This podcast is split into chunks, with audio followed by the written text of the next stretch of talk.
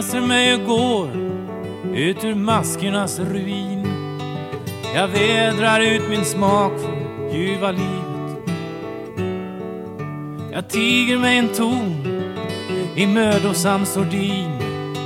Jag lever men har tappat perspektivet.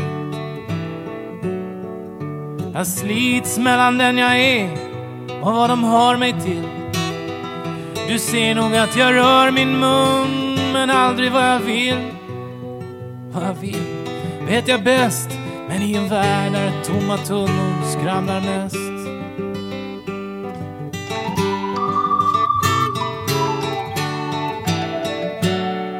Jag är ställd av komplimanger. Jag vacklar av kritik. Jag konkar kring förgiftad last på vägen. Och alla tomma löften bakom Nickedocks mimik gör mig så förstämd och så förlägen. Den som inte har ett mål kommer kanske ingenstans. Men utan mål i munnen har man ändå ingen chans. Den som bullrar lyckas bäst i en värld där tomma tunnor skramlar mest.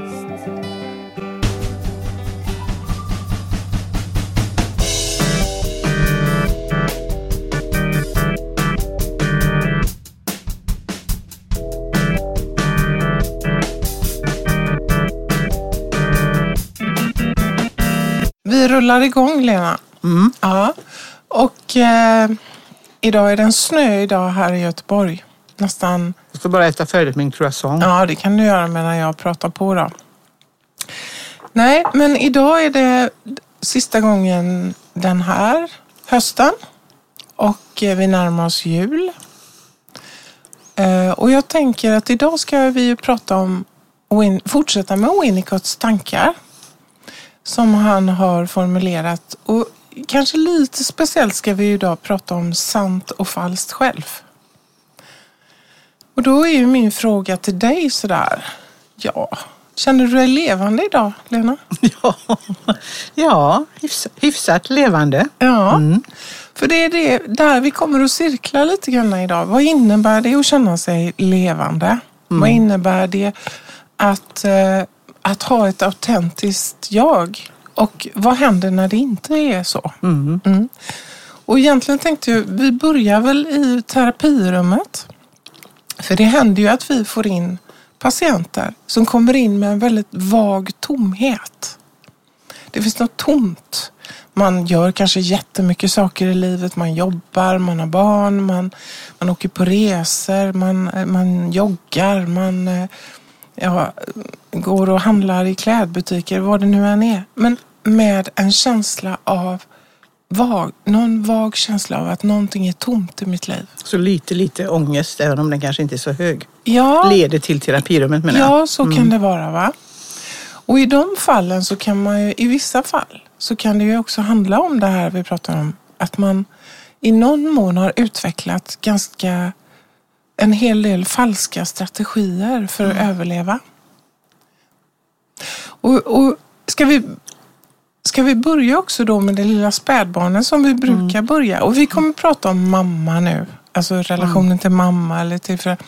Men det betyder inte som vi har sagt innan att inte vi tänker att det kan finnas både mamma och pappa som omsorgspersoner. Eller mamma, mamma eller pappa, pappa. Den som tar hand om barnet Den i som första tar hand hand om kallar vi för mamma, men det kan ju vara någon Ja, annan. och den som barnet knyter an till. Men det händer ju faktiskt så att man tänker att den här första tiden är så central. Och förra avsnittet så pratade vi om det här med barnets behov av att få lov att vara omnipotent Mm. i den första tiden. Det vill säga att jag äger världen.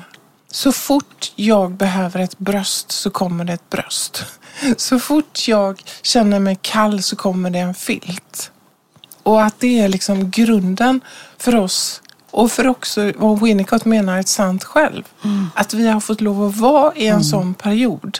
Det som man kallar för absolut beroende. Ja, Precis- Precis i början av livet. Och Ja. att då ska mamman eller de som är nära tillhandahålla, tillhandahålla en sån miljö så att barnet känner att det är barnet själv som har skapat filten och blöjan och bröstet. Ja. Det är det som är den här omnipotenta illusionen att det är jag. Det är, jag är inte beroende av någon annan, det bara kommer till mig. Nej, och då är det ju, och detta gör ju alla, många, det här gör ju föräldrar ofta alldeles av sig själva, alldeles naturligt utan att ringa till sjukvården eller psykologer eller så. Det är bara, det är bara alltså att man anpassar sig efter det här lilla barnets behov. Och det behovet, de behoven är absoluta under den första tiden. Och då blir det ju nästan som en magisk värld. Eller hur? Jag önskar mig någonting som Aladdins lampa och då kommer det. Mm. Och det är ju ganska fantastiskt. Och det är ju för att barnet är så skört och så oerhört beroende och så, och så, så måste barnet ha en tid i början där det kan leva i den hallucinationen nästan, eller den illusionen. För annars skulle det bli för bryskt liksom, livet.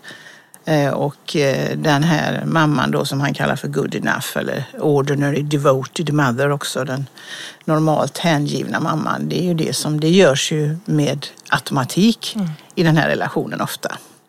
Det är ingenting som mamman tänker eh, utan det går av sig självt oftast.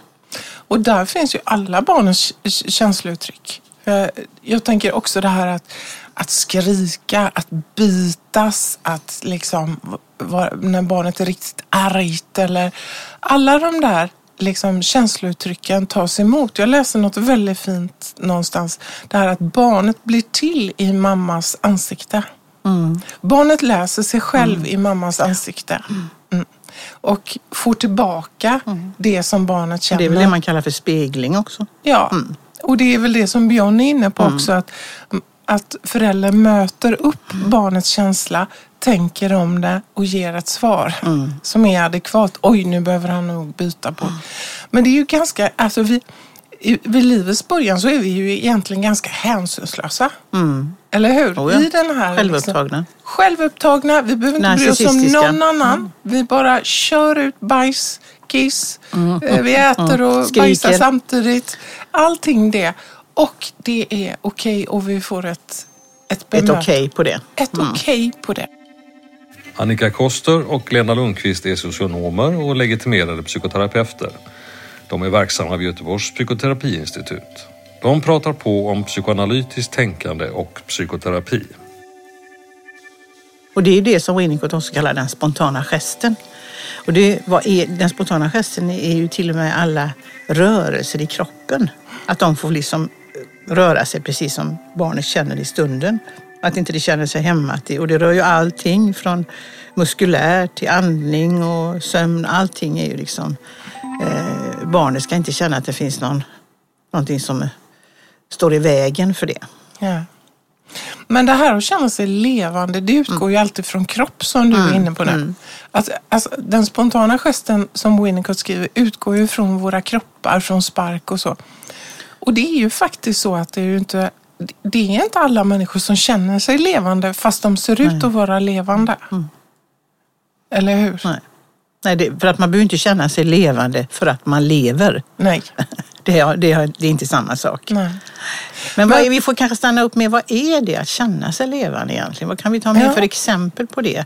Nu har vi det lilla barnet, att det måste få, liksom, om man säger barnet måste få fritt spelrum när det är litet och ganska långt upp i småbarnsåldern också för att inte bli för mycket kväs samtidigt som barnet också måste tidigt ta in andra objekt så småningom och anpassa sig naturligtvis. Men eh, att känna sig levande, det har ju med kreativitet att göra. Och eh, jag tänker på det här också, jag vet inte om Winnicott skriver det, men jag tror han nämner det också att det här har ju med, för detta är ju omedvetna processer, det måste vi säga. När man pratar om falska människor och så, så tänker man ju ofta att det är medveten falskhet. Det här som Winnicott pratar om, det falska självet, det är ju en omedveten eh, process hos barnet och en nödvändighet för barnet för att överleva och skydda det sanna självet från intrång. Eh, Så måste barnet, om det känner att inte miljön räcker till, då måste barnet utveckla ett falskt själv för att skydda det sanna självet. Så att det är ju eh, ett, ett, ett, eh, ett försvar och en överlevnadsutveckling för barnet. Upp- Man, måste, man måste vara någonting så att Ja, säga. och han skriver ju också så här, vad, för vad är då ett sant själv? Ja. Alltså, för jag, jag tänker så, vi är liksom, Vi är överösta av det här finn ditt sanna jag, åk på spa, recit och så. Det har ju ingenting med detta Öppna att göra. det ord. har ingenting med det som Nej, nej. Winnicott skriver. Han skriver så här, någonstans, att det är ingen mening med att försöka definiera det sanna självet utan i relation till det falska. Nej, precis. Och, och där tänkte jag på, eh, jag läste någonting som Jon Fosse, dramatikern, hade skrivit. Eh, eller sagt. För han fick en fråga, "Nej, men det här med skrivande då, hur gör du? Research, hur, hur skapar du liksom? För, för det sanna självet ligger ju nära skapande, kreativitet. Eller det är ju det. Det är ju frihet på något sätt. Och då sa han så här, jag vill inte ens prata om det. Eller tänka om det. Nej. Utan det kommer till mig. Mm. Det kommer till mig fast det kommer ju från honom. Ja. Ja, jag tyckte det var en ganska fin beskrivning. Att det, här, det sanna självet har inte så mycket ord kring sig. Nej, och för- ingenting som man medvetet kan försöka nå. Nej, för då är han ju rädd att han ska intellektualisera bort Ja. det här sanna självet. Och det skriver ju om det är Winnicott eller någon annan om det här att det falska självet, om det är en väldigt begåvad människa som har varit tvungen att utveckla ett falskt själv för att dölja sitt sanna själv, så har det ofta med intellektualism att göra. Att man på det sättet, liksom, eh, eh, det ens fals- falska själv är väldigt intellektuellt. Så därför har vi väldigt mycket framgångsrika människor i samhället naturligtvis som eh, i stort sett har byggt upp sin framgång på det falska självet. För det är ju ändå eh, möjligt att fungera på ytan i ett samhälle med en sån personlighet. Men som du säger, det kan ju också innebära att man till slut känner sig väldigt tom och meningslös. Och eh, ja, eh, till slut känner av att man inte mår bra, men man kan under långa tid naturligtvis fungera. Och det beror också på hur samhället ser ut, hur det svarar upp till det här. Och då måste vi väl säga att idag så har vi väl, som någon skrev, att den här nya informationsteknologin har ju utvecklat våra möjligheter till kommunikation med yttervärlden något enormt. Men vi kommunicerar kanske mindre och mindre viktiga saker, alltså att det blir tomt. Det blir för mycket av att visa upp en yta. Och då passar ju, om vi ponerar att en människa har fått lite för lite i början av livet och har utvecklat en falsk personlighet enligt Winnicott, så kommer det ju att eh, kunna ge, så att säga, eh, vinster i vårt eh, moderna samhälle. Så är det. Mm. Men om man återgår lite till det sanna självet och känna sig levande då, Mm. den frågan som du hade va? Så tänker jag så här att det sanna självet är ju djupt personligt för oss alla liksom. Eh, och som är svårt att sätta ord på, svårt att veta vad det är. Men det visar sig i livsviktiga frågor Ja. där vi måste ta ställning. Så egentligen är, egentligen är ju det sanna självet liksom förknippat med en gräns. Ja. Nej, nej, det här vill inte jag. Nej. Det vill säga från att den här magiska världen där mamma och jag är ett eller mamma är jag till att man blir två. Jag och du. Och det här måste jag fatta ett beslut om. Eller det här, det här passar inte mig. Eller det här, nu måste jag följa min väg i livet. Kan man tänka så? Att det är där det Ja. uttrycker sig. Och då kan det ta sig, eh, ta sig uttryck i, att, i, i ordet civilkurage till exempel. Eller de här visselblåsarna, så, människor som är plötsligt bryter. För att, jag tror det är Winnicott skriver väl också det att det här är frågan om grader som det ofta är när vi pratar om. Att om man har utvecklat delar av ett falskt så kan det finnas ytterligheter där. Och den, så att säga, den, den tillräckliga är ju den när vi anpassar oss till normer i samhället. Då måste, men då, är vi, då liksom har vi på något sätt, eh, för att klara av sociala sammanhang, så måste vi ibland visa upp ett falskt själv.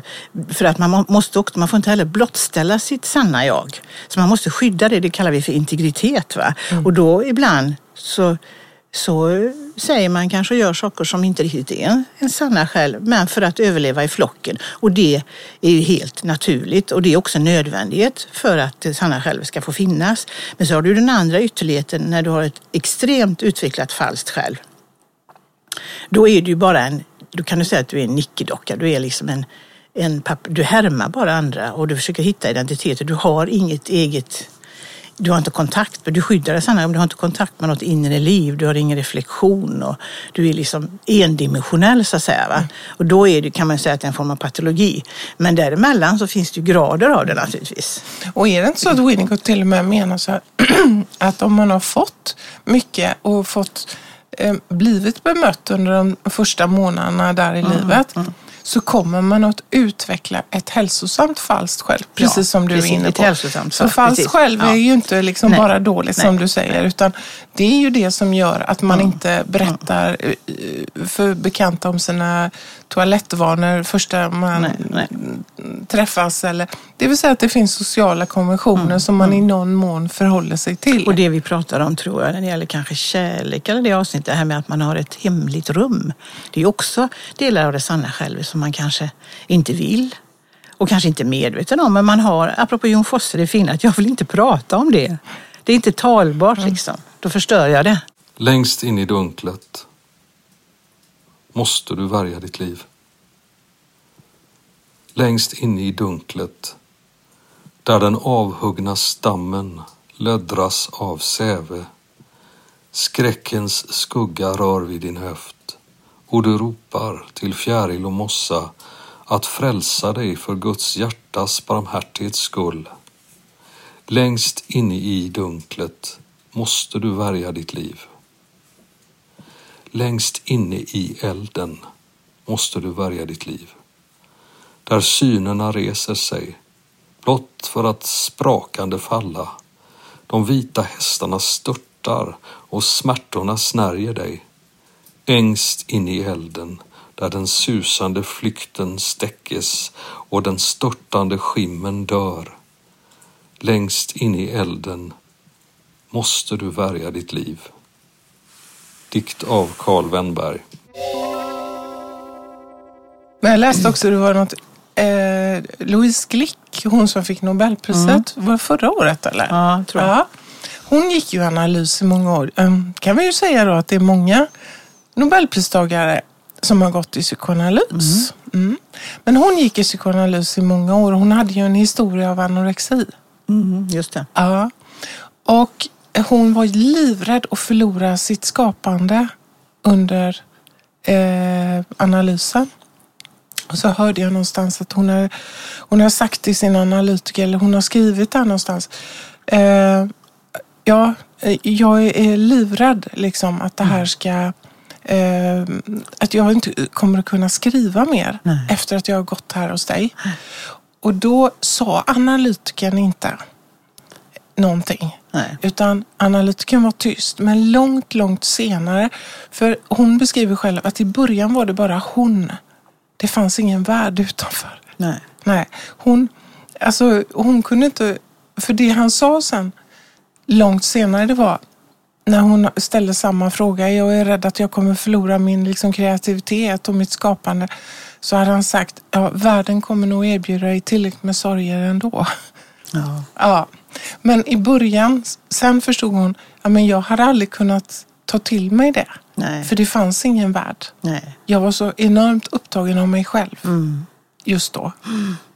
Jag tyckte det var en mm, fin mm, beskrivning av mm, en färd. Mm, liksom. precis. Men det har väl även han, John Cleese, vet du, Monty Python. Mm. Han sa väl det, eh, apropå Fawlty Towers, du vet den ja. serien när han är så arg och skriker. Han är ju egentligen väldigt deprimerad där. Eller det är liksom menar, ilsken och frustrerad man. Va? Han menade ju på också att eh, han var rädd att gå i terapi någon längre tid. För han var rädd att förlora sitt instrument som komiker. Att det byggde mycket på de här depressiva sidorna som han då uttryckte i olika figurer. Att det finns en, för det, det säger jag inte om Winnicott säger det, men det är andra som skriver om det här med falskt själv, att eh, det är också vanligt att många söker sig till scenen. Ja. Som har de här. Ja. För där kan man träda fram. Och, eh, och jag tror det är Winnicott som säger det också, att en skådespelare mm. till exempel kan ju eh, spela sig, eh, vara sig själv och ändå spela och så finns det vissa som bara kan spela. Mm. Så alltså att, att de har inte den originaliteten och då har de inte fått med sig sitt sanna själv utan då är det bara att de spelar. Mm. Och det är olika kvalitet på grund av det, av till exempel mm. skådespelarinsatser. Då, va? Att de upplevs olika på hur mycket de har kontakt med sina, sitt sanna själv eller sina egna delar. Och är det inte så då att en, vad Winnicott menar då, att en sån skådis, när personen kliver av scenen så fortsätter man spela. Ja. Alltså det är ingen skillnad mellan Nej. lek och inte lek eller Nej, konst. nej. Alltså, mm. För det är ju leken som är också, det har vi pratat om tidigare, men att man måste kunna, att om inte patienten kan leka så ska terapeuten föra patienten till ett tillstånd där han kan leka och då börjar terapin. Och det är ju liksom det som också handlar om att man kan ju naturligtvis bedriva terapi med en falsk personlighet år ut och år in. Och att det inte händer, och då, för om inte leken uppstår så blir det ju ingen möjlig resa till det sanna själv så att säga. Så det är ju nödvändigt. Och, och, och här är det ju liksom viktigt då, för det kan ju bli en, om man tänker utifrån patientens håll, så kan man ju tänka om man har ett väldigt välutvecklat falskt själv, att anpassningen till att säga det som terapeuten vill höra, att vara en god patient, kan, kan, kan finnas samt dessutom kanske skräcken att bli bestraffad om man går emot. Eller hur? Eller belönad om man då liksom följer i vad man tänker att den andra förvä- förväntar sig av en. Så att det, finns ju många falskt självterapier. Ja. Ja, och det är ju det som Winnicott skriver att när det handlar om ett utvecklat, när det är liksom ett livsproblem för personen. Vi har ju alla olika grader, men när det verkligen är ett livsproblem, då är det viktigt att terapeuten uppfattar detta. Ja. Ja, Och kanske sätter ord på det. Och sätter ord på det. Och där har ju Winnicott en alldeles fantastisk, tycker jag, han har ju en regressionsteori. Han säger ju så här att personer med ett, ett, ett, liksom, ett falskt själv som livs, livslidande, eller vad, men det är ju inte ens ett lidande, men det, det är det som är den dominerande delen, söker ju oftast inte för det Nej. till terapi, utan man kommer med någonting annat. Och terapeutens uppgift blir att under lång tid prata med det falska självet. Det vill säga börja relatera. Ja, det finns in- inget annat att prata det med. finns Nej. ingenting annat att prata med. Och att det får vara Mm. tills det är liksom läge så småningom att det kommer Mm. att hända saker i rummet som gör att terapeuten förstår Mm. att här är någonting annat som börjar visa sig. Men så säger han väl också att man kan missa det tillfället Mm. till regression och inte se det. Och då har man, liksom, då har man ju på något sätt övergett patienten. Ehm, Men på vilka uttryck kan det ta sig kanske i en terapi? Jo, jag tänker så här att, och det är det han skriver, att det kommer att vara så att i någon mån så går patienten tillbaka till också det som Winnicott beskriver, stadiet av absolut beroende. Det kommer att infinna sig en tid i terapirummet där minsta lilla liksom från avvikelse från ramen eller om ter- terapeuten är lite sen eller, eller säger någonting konst, alltså konstigt, höll jag på att säga. Men alla sådana här saker kommer att bli liksom möjligheter också för patienten att reagera på. Och Winnicott beskriver någonstans att han det var någon patient som blev så fruktansvärt arg så hon kastade en vas. En annan stal pengar av honom. Alltså, för det är kopplat till vreden då. Men det är sällan sånt händer. Däremot Nej. kan man nog se det till exempel i uppehåll och så över sommar och Ja. jul.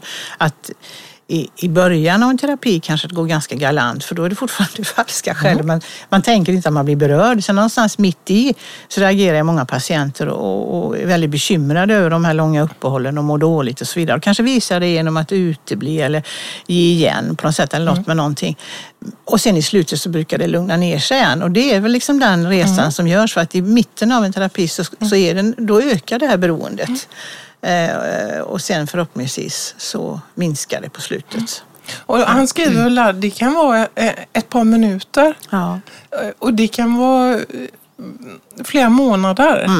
Men här finns en rörelse mot ett mer autentiskt själv. Att vara i Och då närvaron måste av någon. terapeuten, analytikern på något sätt sätta ord på det eller göra det talbart eller lyfta upp det så att det blir tydligt att han, han eller hon har förstått det. För då har man ju fått ett möte där. Man har sett den sidan av eh, och där, det är ju därför som psykodynamisk terapi och psykoanalys ofta kräver lite längre tid. Faktiskt. Eh, jag hade en, en, en, en kvinna i terapi för många år sedan som gick väldigt länge som egentligen kom från början eh, Hon jobbade i ett kreativt yrke för hon ville få loss kreativitet och så. Och var oerhört pratsam och väldigt, eh, eh, ganska länge pratade i väntrummet och väldigt mycket så. Och sen blev hon tystare, kortfattat tystare och tystare och tystare. Och till slut minns jag ett ögonblick som var så speciellt när hon sa så här, ja nu vet jag vad det här går ut på. Det går ut på att du ska sitta här varje onsdag klockan ett och bara vara till för mig.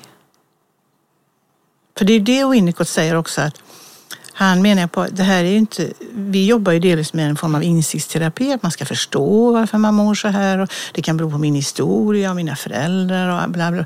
Men när det gäller det färska självet så är det viktigast att vara där. Det är hållandet som är prio ett. Vad, vad, hur man förstår och tolkningar och sånt är inte så viktigt. Utan det är att på något sätt förmedla en känsla. Jag finns här, jag lyssnar på det svåraste. Du kan, förstår du hur man nu gör det? Det här är ganska mycket ordlösa, en ordlös relation. Man Men säga, ramen är väldigt viktig naturligtvis Ja. att den hålls. Men Kan man säga att det är lite detsamma som, vi pratar om det lilla barnet och föräldern, att barnet blir till i förälderns ansikte eller moderns ansikte. Och att i någon mån är det samma process här. ja, Att patienten blir mer i någon slags personlig, eh, sant själv ja, tack vare liksom närvaron Ja. och bekräftelsen Ja. av upplevelsen. Ja, för att sanna självet som då har blivit inlåst eller lagt i en liten box och en del kanske till och med har slängt nyckeln och hit, har ingen aning om att de har ett sant själv, de upplever sig bara tomma. För det ska få möjlighet att komma fram så måste det, man vara säker på, det vill säga tillit, man måste vara säker på att den andra kan ta emot det. Man tar inte den risken igen. Så det är ju en trygghetsaspekt och en tillitsaspekt. Och då har ju det att göra med naturligtvis hur vi som terapeuter känner av det och hur vi hanterar det. Och det har också att göra med vårt eget sanna själv naturligtvis. Absolut. Ja. Och det säger ju Winnicott också att en terapeut som inte kan leka ska inte syssla med den här typen Nej. av arbete. Nej. Alltså i någon mån liksom har en, en sån del med sig. Jag ritar som jag vill. En gumma som står still och äter prickig sill med randig senap till. Jag ritar som jag vill och hör sen. Jag ritar som jag kan. En liten konstig man. Hans näsa den försvann. Om hörnet är min sann. Jag ritar som jag kan och hör sen. Jag ritar som jag tror. En prick som kan bli stor och sen ett knarr som bor i farfars gamla skor. Jag ritar som jag tror och hör sen. Jag ritar som jag mår. Ett litet krångligt får med långa svarta tår som ilsket går och går. Jag ritar som jag mår. Och hör sen! Ur den olydiga ballongen av Gunnel Linde och Bo Sundblad. Men jag tänker också, vad är det som händer under den här regressionsrörelsen då?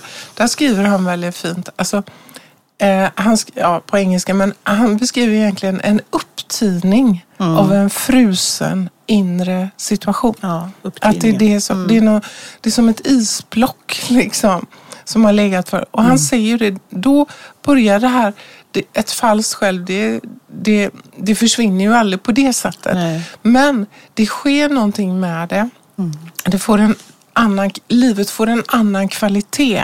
Upplevelser får en annan kvalitet kopplat till Därför du mitt får ett inre. inre rum, Ja, en kammare där inne. ja. Jag tror det är Johan Eriksson som skriver också väldigt fint om det här att det är det som förklarar att människor, både som kanske har kommit ganska högt upp i ålder och har levt ett falskt liv kanske i decennier och som är beredda att offra både karriär och äktenskap och massa sådana här då, som vi uppfattar på ytan som viktiga saker i livet för att vara i sitt sanna själv eller att vara levande. När de får, får kontakt med den sidan av sig själva så är de beredda att offra väldigt mycket av så att säga, objekten där ute, om man säger så, för att bli ett subjekt. För det är ju det man inte är heller.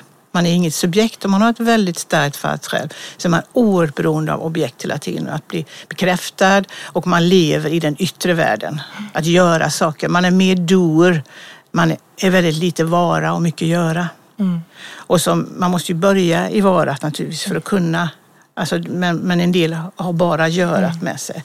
Jag tänker på hon, vi kanske ska nämna henne också, Helene Deutsch lite, som skrev den här SIF, om SIF-personligheten, som om-personligheten. För hon skrev ju det på 30-40-talet. Det är en polsk-judisk analytiker som eh, emigrerade till USA då, 35, från att hon var judinna. Och som läste jag igår, googlade på, hon levde, hon blev nästan 100 år. Hon dog först på 80-talet, hon var född 1880 någonting. Hon skrev detta långt innan Winnicott. Jag tror faktiskt att han har Eh, läst den och tagit till, för det, det, vissa saker påminner om varandra. Va? Och det är väldigt likt det hon säger. Och hon menar ju det, det som är så bra med det hon skriver tycker jag, det är att hon säger så här att en som om, en som om människa gör alltid saker som om. De är föräldrar som om, de är eh, kärlekspartner som om och de gråter som om och de sörjer som om. Men det är inte riktigt, det finns alltid en känsla med en sån människa av att det är något som inte fattas. När man sitter med en sån person så, så är det någon brist på kontakt, brist på autentiskt. Som, som, känner- man känner att det är någonting. Men de är ju själva inte medvetna om det och de mår ju själva mår ju inte dåligt och söker inte hjälp. Utan, eh, men det hon säger är, som är deras, som skiljer dem från till exempel en neurotisk person som är väldigt hämmad och väldigt tyst, det är att de har inte tillräckligt med objektladdningar med sig, säger de. va? Det vill Och säga, vad betyder det och då? det betyder ju då det vi var inne på med Winnicott. Med good enough mothering, hängiven mamma, laddningen, speglingen, mamningen, det här Winnicotts alfa-elementen. Alltså ta emot hela tiden, vara där och låta barnet vara i den här illusionen som Winnicott säger. Så får du, laddas du hela tiden och får väldigt starka relationer till mamma och pappa som du sen ska göra upp med. Men har du inte det, så, och då har du heller inte, kanske inte bildat ett riktigt överjag så du kan bli asocial och det är liksom, du blir liksom ganska kall och icke-emotionell människa och platt, endimensionell. Och, ehm, men just det här med objektladdning, för det påminner lite grann om narcissism. va? Eh, om du ska få en svår narcissistisk problematik så beror det också på att du inte är tillräckligt laddad. Det vill säga, du har inte haft dina föräldrars levande närvaro, eller vad man ska kalla det för, tillräckligt mycket. Och tillräckligt stor kvantitet av det kanske man kan säga. Det behövs en hel del kvantitet av det. Man kan inte bara administrera ett litet barn. Nej. Utan man måste, och jag måste bara säga innan, att det finns en fantastisk bok som jag kan rekommendera folk att läsa som illustrerar detta väldigt bra i romanform. Och det är Agnes Lidbecks debutroman Finna sig som kom för fem sex år sedan. Hon har skrivit en del efter det. Som är ganska kuslig att läsa. Men det handlar om en mamma och den börjar på förlossningen faktiskt när hon har fått barn. Och det är ur hennes tankar och mun som boken skrivs. Va? Redan då börjar hon fundera på om hon fortfarande ska vara attraktiv för andra män och så. Nu. Alltså hon är inte i, hon är inte i livet här och nu, utan hon är as if hela tiden. Och hon administrerar det här barnet som hon tror en mamma ska göra. Hon, har, hon är hustru som hon tror man ska vara som hustru. Och den är väldigt smärtsam att läsa, men den är väldigt bra beskrivning av den här as if-personligheten faktiskt. Eh, för det kan vara svårt ibland att ge konkreta exempel på utan att nämna namn på kändisar, Ja. så det vill man inte göra.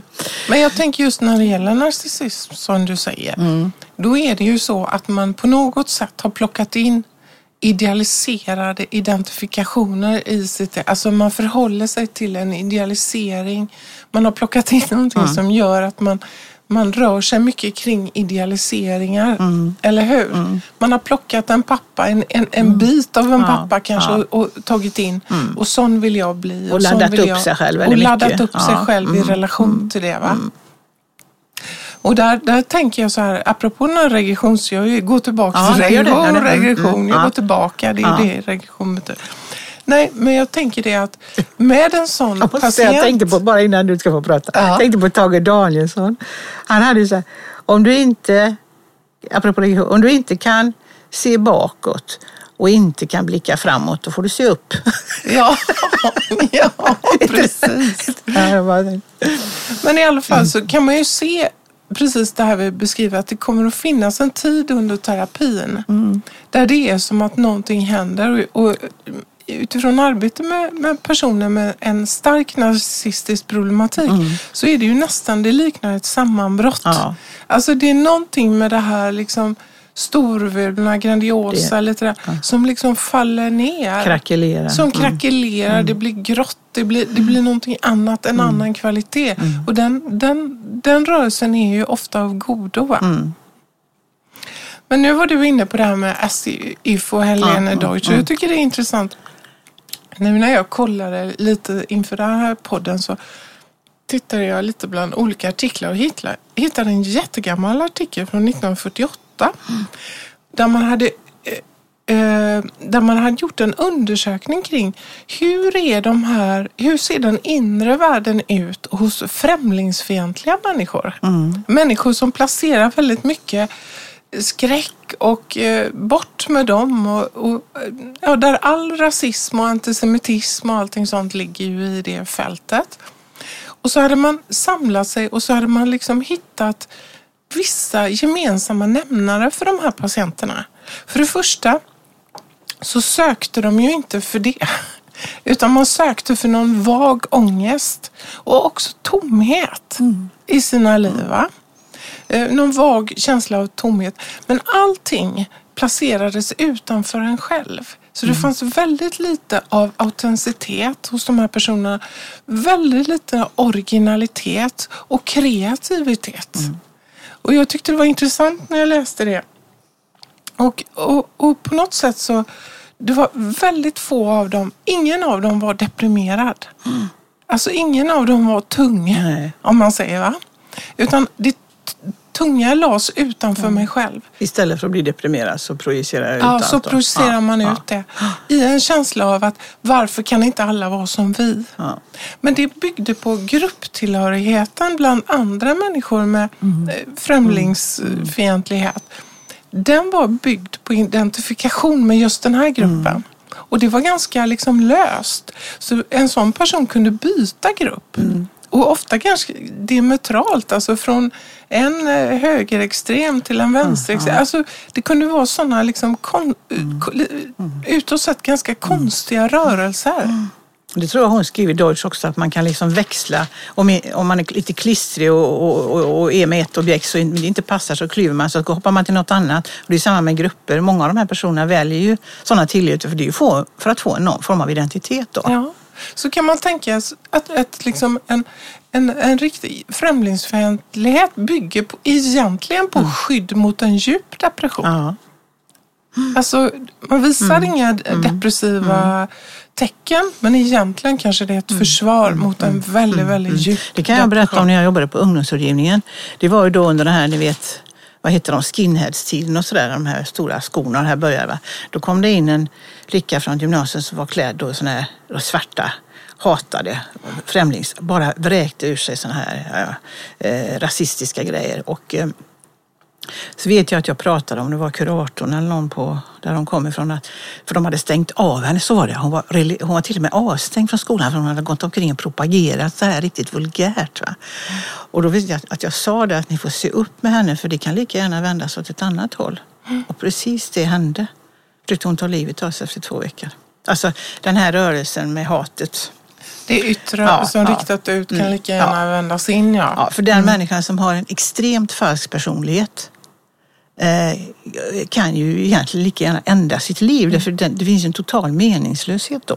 Om man inte har något autentiskt i sig, inte känner sig levande överhuvudtaget, varför ska man då leva? Så det är ju många teoretiker som nämner det också, att självmordet kan också ingå i den här eh, hos de här personerna. Så det är också en möjlighet. För livet har ingen färg liksom. Det skriver ju om det han Jämstedt tror jag, den här serien om Winnicotts mellanområde. Det här med hur, man kan, hur två personer kan titta, stå vid ett fönster och titta på ett landskap beroende på om man har ett autentiskt själv eller ett falskt själv förenklat. Och så kan ju en person eh, titta på skymningen eller gryningen eller löven som rör sig och få liksom väldigt mycket association till känslor, vemod och sorg och livsglädje och så. Men en annan person bara registrerar vad som händer. Det är två helt olika sätt. Ja, Det är bra exempel tycker jag på hur man, hur man ibland uppfattar naturen kan ju visa. Ja, och det är väl det som de menar med den här artikeln också. Att även om man liksom Alltså, det finns ju många andra faktorer som naturligtvis spelar in, Ja. socioekonomi och Ja. sådär. Mm. Men även om man har varit, det intressanta är ju, vad är det som får två, helt, två olika personer att liksom söka sig till olika Mm. delar eller lösningar i livet och varför söker man sig till det här med Liksom, varför sätter man bo mer i en rasistisk värld? Eller, ja. Och, och de menar, det här är ju en gammal artikel, men de menar det ändå att här finns en skillnad mellan de människor det fanns också den här vaga ångesten, liksom. vaga livsmål. Det fanns en längtan av att bli uppsugen av någonting va? som skulle ge mig en riktning. Därför att man inte hade något genuint personligt, om vi pratar om ett sant själv. va? Och också en sårbarhet, både ekonomiskt, socialt, eh, när det gäller sexualitet. Att, att det fanns liksom, det tyckte jag var ganska intressant också. För att menar, samhällskrafter som kommer i rörelse består ju av individer. Mm, absolut. Ja, och individer med inre världar. Så jag tänker att psykoanalytiskt tänkande har också en del att bidra med här. Jag tänker också på, tycker vi måste nämna också Bollas innan vi lämnar det här, apropå det här med den psykofobiska hållningen som han skriver mycket om, att idag så, så, eh, så finns det en, en rädsla för att vända sig inåt och att reflektion och sånt, att vi, och att- han, han menar ju det i alla fall, att det har skett, han har ju myntat det här begreppet normopat, va? att man ska vara, och den som har mycket falsk själv och är SIF-personer försöker ju vara normala inom citationstecken, för de letar ju ident- identiteter utanför sig själva. Eh, och, eh, och, det, och är det extremt så kallas ju det normopati, alltså att det är en patologi, att man, man försöker vara, det finns ju ingen som kan vara så normal som de tänker att de ska vara. Men men det innebär ju också att man blir en väldigt passiv samhällsmedborgare och en väldigt passiv familjemedlem. Man kanske inte protesterar mot någonting, för man lyfter inte fram någonting som har med subjektet att göra, va? utan man försöker bara vara ett objekt bland alla andra objekt. Och han eh, till och med målar ju fram att detta är en fasa för hela världen om vi blir för psykofobiska, det vill säga om vi tappar den här förmågan till inre reflektion, att gå in på sin kammare och grunna, om vi inte har några existentiella kriser någonting längre, då kommer ju också eh, vi att acceptera naturligtvis eh, andra samhällsskick på ett annat sätt. Vi kommer inte, så det är en, en eh, det är väldigt intressant det han skriver tycker jag. Om är det så att Ja. vi har ändrats inuti? Jag vet inte. Jag vet inte Eh, heller. eller vi Jag tror väg. nog inte det egentligen. Jag tror men- egentligen inte det heller kanske, men det, någonting, det vi visar upp i alla fall, det, den yttre kommunikationen är ju väldigt... eh, Men ska vi eh, avsluta? platt. Jag tänker, ska vi, ska vi från detta nu då? Ja, Ska vi, alltså vägen som vi pratar om idag. ja, Som en, en person med ett väldigt starkt falskt själv har ju väldigt svårt att leka. Ja. Och man kan ju tänka i leken, leken är ju en väldigt allvarlig sak som vi har pratat om. Mm. Ja, det det. Homo ludens, ja, eller ludus, betyder ju den lekande människan. ja, ja. Och det är ju det som är så skönt för oss människor, att vi har delar i vårt liv Mm. med konst, alltså när vi går på teater. Mm. Det, är ju, det är ju en lek. Alltså uh, publiken, När vi skämtar, när vi skämtar, vitsar. Ja. humor. Alltså, och det är en viloplats för oss människor. Mm. När vi inte hela tiden behöver vad är yttre och vad är inre. Eller hur? Utan detta är en mellanplats Mm. in emellan. Där vi kan få vila lite grann. Mm. Det finns ju inget så starkt som att gå till exempel på teatern. När det finns en överenskommelse mellan publik Nej, och precis. och eh, skådespelare att nu leker vi den här leken Ja. och den är verklig men ändå inte verklig. Det är ju det här dubbla. Det här är verkligt men det är ändå inte verkligt. Nej, precis. Och där finns ju en direkt transport till nallen, alltså Winnicotts Ja, nalle, övergångsobjektet, eh, övergångsområdet där all konst och all kreativitet äger rum. Jag tror vi har citerat, kommer du ihåg vi skrev när vi skrev vår uppsats, det här, det är folk som inte kan skratta i ett farligt folk. Ja, precis. Ja. Så humor, konst, allting det i det fältet. Och det kan jag ju tänka att även om vi har kanske fler normopati, jag vet inte om normopatin Nej. har brett ut sig, men det finns ju mycket krafter åt lekens håll också. Mm, mm. Men hur är det med lek? Behöver leken en ram för att vara lek? Ja, det var Om man spelar Ja. ett spel du och jag spelar Monopol och du liksom... Den ramen den måste ha det är att det är två subjekt.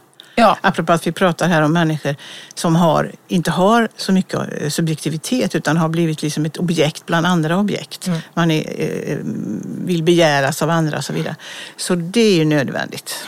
Och att bli ett subjekt innebär ju någon form av kontakt med ett sant själv. Där man har en viss originalitet, en egen, det är jag, man är unik. För samtidigt som alla människor är eh, unika, så, för jag tänkte på en annan sak också. Det här med jaget i den här individualistiska eran. Så har man ju förstått upp jaget. Min sanning, jag vill, jag skall. Så, så jag tänkte så här, jag hade en egen tanke igår att eh, kan det vara så att förr var det ju kollektiv som bestämde. Det var kyrkan och det var, alltså det var en annat tryck på och det var, överjaget var ju liksom viktigare då. Det, det menar jag också bollas att överjagsproblematiken har försvunnit lite grann. Va? Då har vi alltså blivit mer jag-svaga idag. Samtidigt som vi lever i en jag... betoning av jag. Jaget är liksom det som är viktigast. Och kan det vara så här, tänker jag då, att när man lever i en tid där man själv ska profilera sig och visa upp sig och jag och jag och jag kan detta.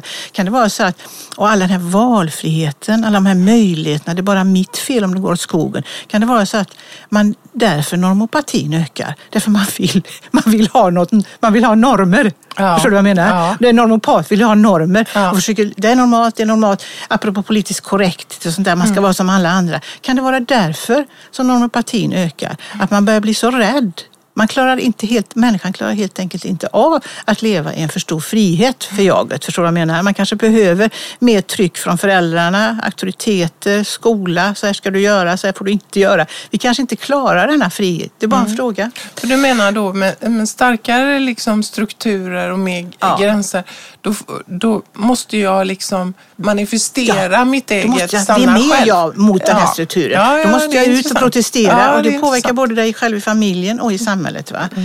Så att det kan ju betyda att i en jagets tid så har vi blivit, när vi skulle vara mer jagstarka, har vi blivit mer jagsvaga då. För falskt själv och SF-personlighet är jagsvaga människor som i brist på eget jag och subjekt försöker likna alla andra eller hitta något som är normalt eller som det ska vara rätt. Man gör Konformt, rätt. liksom. Konformt, ja. Så här Ja. ska man göra. Konventionella människor och så. Va?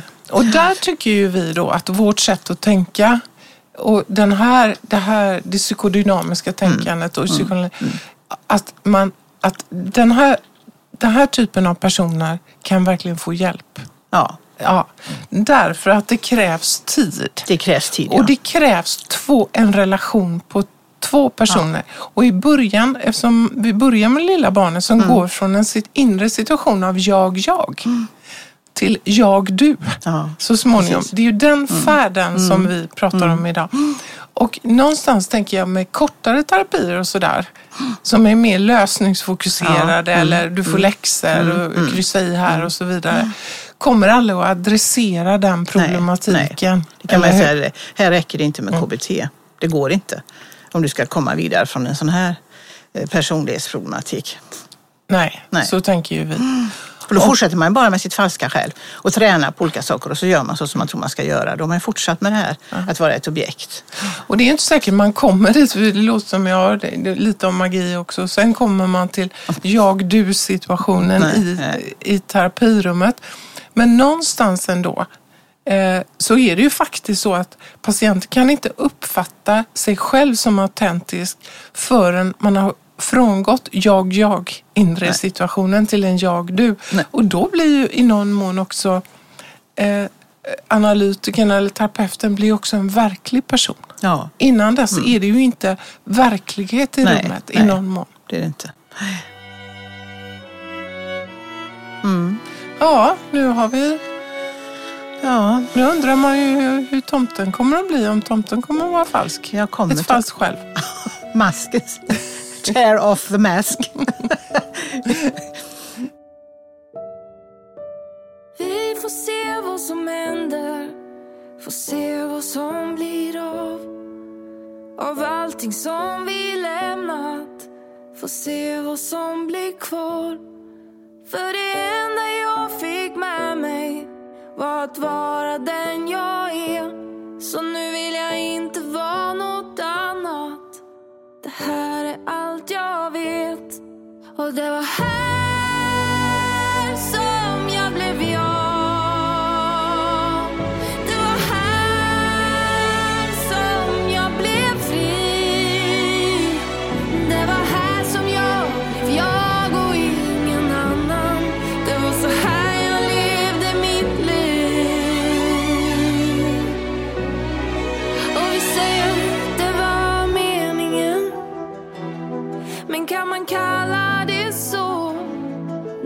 finns de som aldrig kom fram.